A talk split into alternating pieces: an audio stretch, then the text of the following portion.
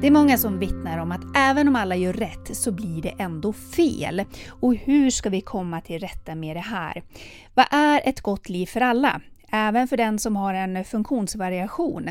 Den som har eller skulle behöva få en NPF-diagnos och den som lever med en fysisk eller intellektuell funktionsnedsättning. I det här avsnittet fokuserar vi på barnens rätt till ett gott liv. Rätten att få en bra skolgång, en meningsfull fritid och rätten att få förutsättningar för ett gott liv som vuxen.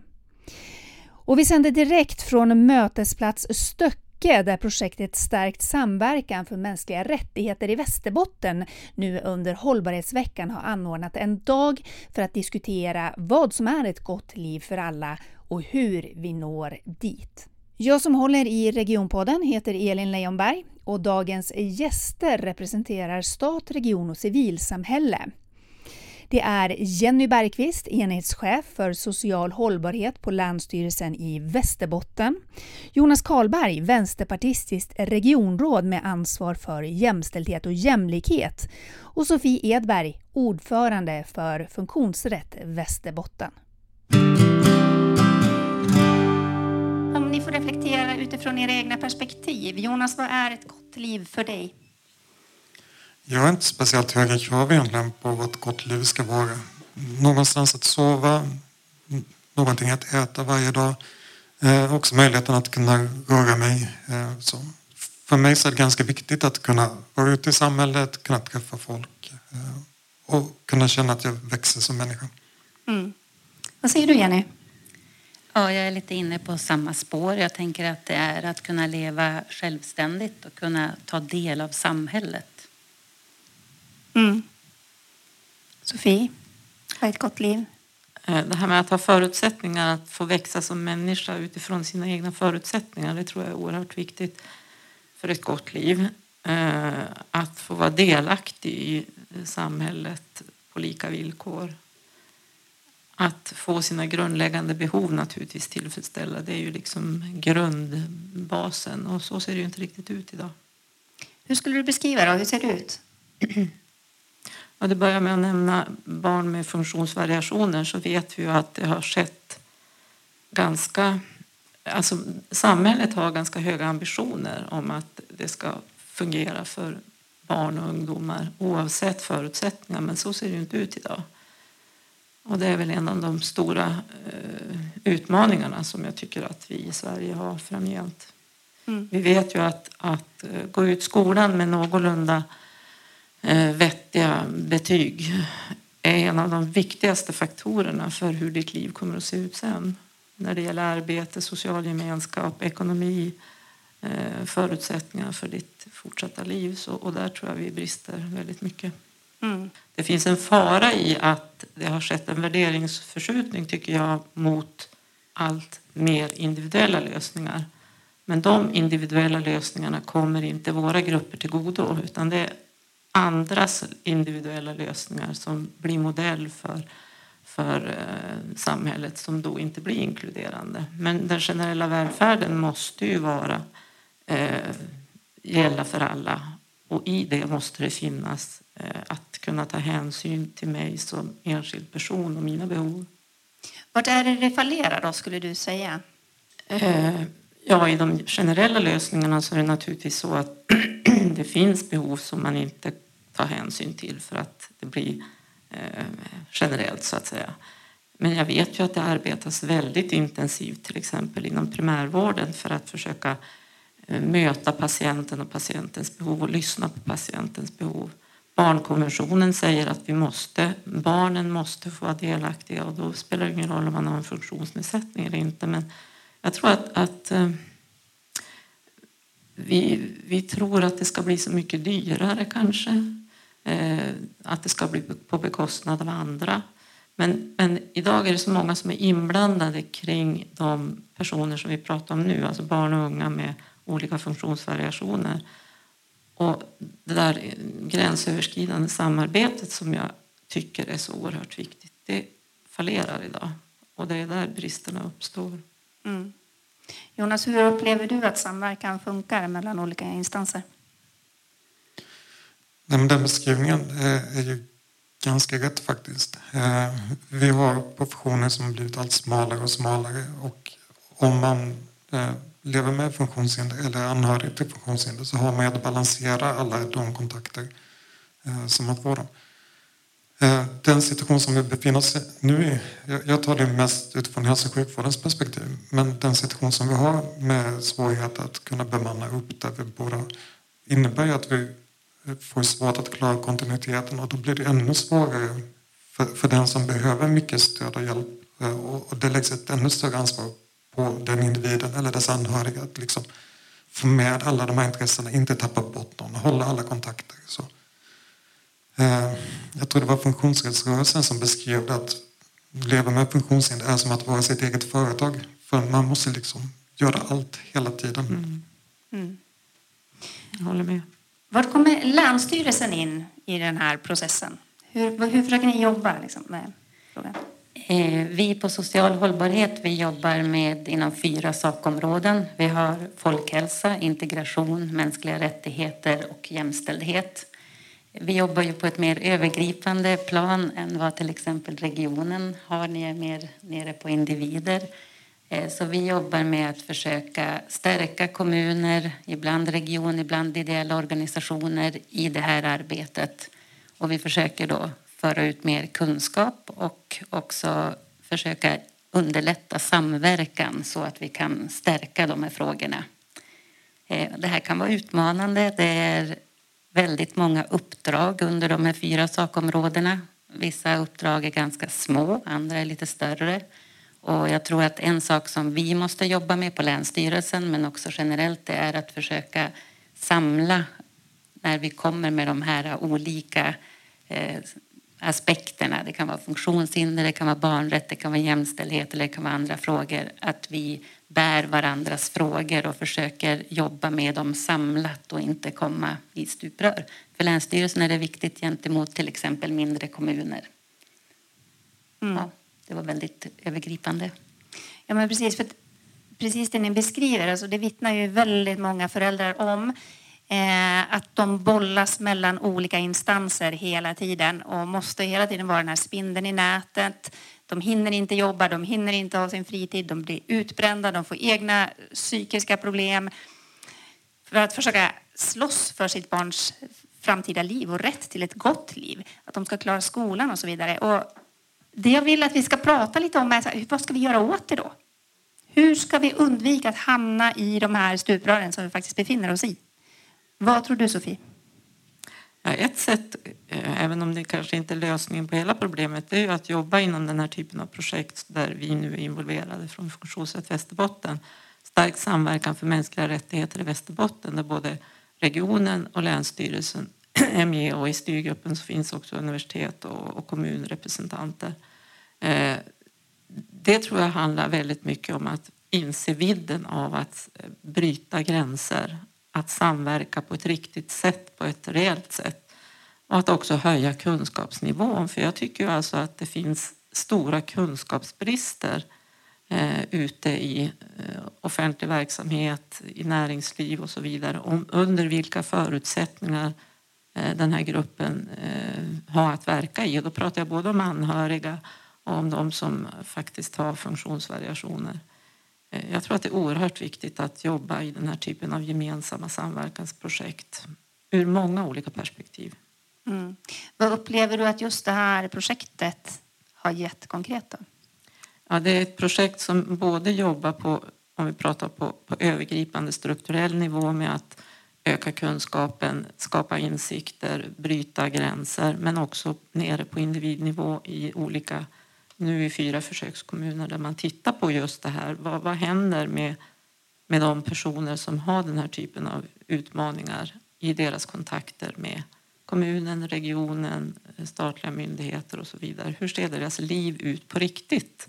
Och vad kan man göra för att förändra det? Och det kan ju skapa någonting att jobba vidare med. Mm. Jonas, vad säger du? Hur, hur ska man få till en ökad samverkan? Med ett medvetet arbete Eh, Eh, det, det, det, finns några bra exempel i Västerbotten som visar på hur man skulle kunna jobba. Eh, det som vi oftast pratar om det är hälsa, lärande, trygghet där skola, socialtjänst och primärvården går samman eh, och träffas kring barnen. Så. Och det gör man utifrån förutsättningen att här har vi en barn, en patient som behöver vår hjälp. Och då kanske det inte är så noga vems budget det, det handlar om utan det viktigaste är hur kan vi lösa situationen tillsammans. Ett annat sådant exempel är ju det kontaktcenter som har skapats för barn och unga som söker för psykisk ohälsa. Eh, där har man kommit överens om att vi har en gemensam ingång och den ingången bestämmer sedan om det ska hand till kommunen eller om det ska till regionen och var i regionen det ska någonstans. Istället för att ha eh, en massa bråk och strid om vems ansvar det är att ta hand om just det här barnet så ser man till att det hamnar någonstans så tar man det därifrån. Eh, Primo är ett annat sånt bra exempel. tänkte på det. Där, där finns det väldigt mycket av tanken kring personcentrerad vård och det, det som vi jobbar med med nära vård att man, man har sin kontakt på Primo och den kontakten hjälper en inte bara med problem som man kommer dit för då utan man får också hjälp med att hålla kontakten med alla de här andra specialisterna och myndigheterna och så. Mm. Men finns det här, är det i enstaka kommuner eller finns det generellt inom regionen för alla barn i Västerbotten eller alla familjer? HLT finns ju i hela regionen. Samtliga kommuner har det. Eh, kontaktcentret finns ju egentligen en lösning mest för Umeå men, men det finns ju för Region Västerbotten. Primo håller vi på att bygga upp i regionen. Mm. Eh, men där, finns ett problem också. Alltså tillgången till hälso och sjukvård, hälso och sjukvårdens resurser är ju inte jämlikt fördelade. Så det, det är enklare i vissa delar av regionen att komma åt den än i andra. Mm. Hur ska man göra då för att eh, det här ska bli mer tillgängligt för alla barn och unga i Västerbotten? Jag tror att vi behöver jobba mycket mer med vår kontinuitet. Eh, vi har ett uppdrag att se till eh, så att man får en kontinuerlig kontakt med vården. Och nu är det vården jag pratar om. Men då kanske vi måste göra en prioritering också. Vilka grupper det är som i första hand ska ha den kontinuiteten om vi själva inte klarar den för alla. Eh, för som alla vet så har vi problem.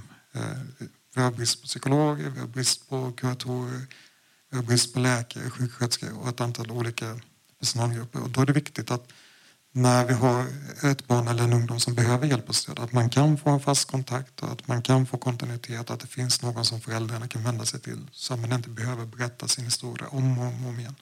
Mm. Sofie? Och jag skulle också vilja passa på att göra ett medskick till kommunerna. Jag tror ju att man måste, eh, du pratar om prioriteringar Jonas, jag tror också att man inom eh, kommunerna måste prioritera skolan. Man måste se till att det finns resurser både från förskolenivå upp till, till gymnasienivå när det gäller eh, medarbetare med kompetens för de olika behov som våra grupper kan ha. Och då pratar jag inte bara om NPF, alltså neuropsykiatriska funktionshinder, utan jag pratar om alla former av funktionshinder, funktionsnedsättningar. Att du har en hörselskada eller att du sitter i rullstol eller att du har ja, vad det än, än må vara så måste det finnas resurser att, att se till att de här barnen kommer sig igenom skolan med en positiv känsla och en kraft sen i livet. Mm. Jenny? Jag tänker också att samverkan oss emellan men även fler organisationer är viktiga just för att målgruppen är så bred. Det handlar om skola, det handlar om vård, om myndigheter, om ett helt liv. Vi vill ha de här ungdomarna och barnen att de ska komma upp till ett vuxenliv och ha möjligheter som alla. Eh, och då tänker jag också att det är viktigt att just att vi samverkar för att kunna gå ut på bredare front och för det handlar ju om också familjer och individer och att öka kunskapen hos personer som har funktionsnedsättningar i sin närhet också. Och det tror jag är viktigt att kunna på ett personligt plan också öppna och tänka vidare och sätta sig in i en, ett annat perspektiv. För det är inte alltid så lätt. Mm. Vad säger du Jonas? jag kan bara instämma i vikten av skolan. Och det är inte bara för att skolan har en roll för att lära våra barn färdigheter och kunskaper utan det är också därför att det är den plats som man tillbringar en väldigt stor del av sin vakna tid på dygnet. Det är där man bygger sina relationer, det är där man blir människa och det är där som man i slutändan blir vuxen också. Många föräldrar de vittnar ju om att eh, man blir runtskickad mellan olika instanser och att det sägs att det här är inte vårt ansvar. Det här är skolans ansvar, det är inte BUPs ansvar. Eh, skolan säger att ja, det här är någon annans ansvar. Eh, och så, så hoppa, skickas man runt där. Kan man som exempelvis länsstyrelse, region, eh, gå utanför sina ramar? Alltså, det finns ju en lagstiftning som säger vad ni ska göra och vad ni faktiskt måste leverera. Men eh, hur långt är ni villiga att gå och vad kan ni göra utanför de ramarna? Jonas? Ja, alltså vi kan göra ganska mycket utanför ramarna. Alltså lagstiftning generellt sett är minimilagstiftning. Eh, så, så man, man, kan oftast göra mycket mer än vad man tror. Eh, problemet är att ha råd att kunna göra det och problemet är också att man måste väga olika intressen mot varandra. Eh, och det är oftast där det fastnar om man hamnar i det här ekorrhjulet att man skickas fram och tillbaka mellan olika instanser. Men där, där man har tagit ett medvetet grepp om det och, och identifierat att här har vi ett gemensamt problem, nu löser vi det. Eh, så har det oftast gått bra att hitta lösningar där man har kunnat komma förbi budgetdiskussionen och kunnat se individen och verkligen lyckas hitta de här snabba vägarna. Kanske inte så snabba, men i alla fall betydligt mycket enklare än vad det hade varit innan när man skickades runt. Och det kan då vara ett sånt här kontaktcenter till exempel? Ja, HLT är ju ett väldigt bra exempel på det. För där har man ju en, ett möte mellan kommun och region och där man följer en ungdom eh, under en längre tid. Så. Eh, kontaktcenter handlade ju rent konkret om att Umeå kommun och Region Västerbotten inte kunde komma överens om vem det var som hade ansvar för barn och unga med psykiska problem. Och då satte man sig ner och skapade en lösning så att de här får bestämma. Hur tänker ni att eh, man behöver jobba framåt då med den här frågan för att se till att det ska bli ett gott liv för alla barn och unga oavsett förutsättningar? Vad krävs nu, Jenny? Eh, jag tänker att det krävs mycket kompetensutveckling på alla nivåer. Det krävs eh, ja, ett, eh, jag höll på att säga ett omtag. Det jobbas ju hela tiden med de här frågorna. Det vet ju ni som sitter här också. Eh, men jag tror att det behövs att vi ser eh, att kompetensen ökar på flera håll och att vi kan stötta upp i det arbetet. En gemensam satsning för de här ungdomarna och barnen. Och det är jättesvårt att peka ut. Det, nu är vi inne på de här... Eh, en del ungdomar behöver extra stöd individuellt och vi behöver också de här generella satsningarna. Och jag tror allt behöver gå hand i hand. Mm. Vad säger du, Sofie? Ja, det är jättesvårt. Ehm, eh, jag, jag tror ju att man kanske ibland måste tänka på att inte vara så prestigefylld. Alltså, vi vet ju att förutsättningarna ser väldigt olika ut mellan våra kommuner i Västerbotten. Eh, det är, jag menar, Sorsele, Bjurholm 2000 till Umeå. Men kan, det kanske är så att vi, kommunerna och regionen borde lära sig mer av varandra.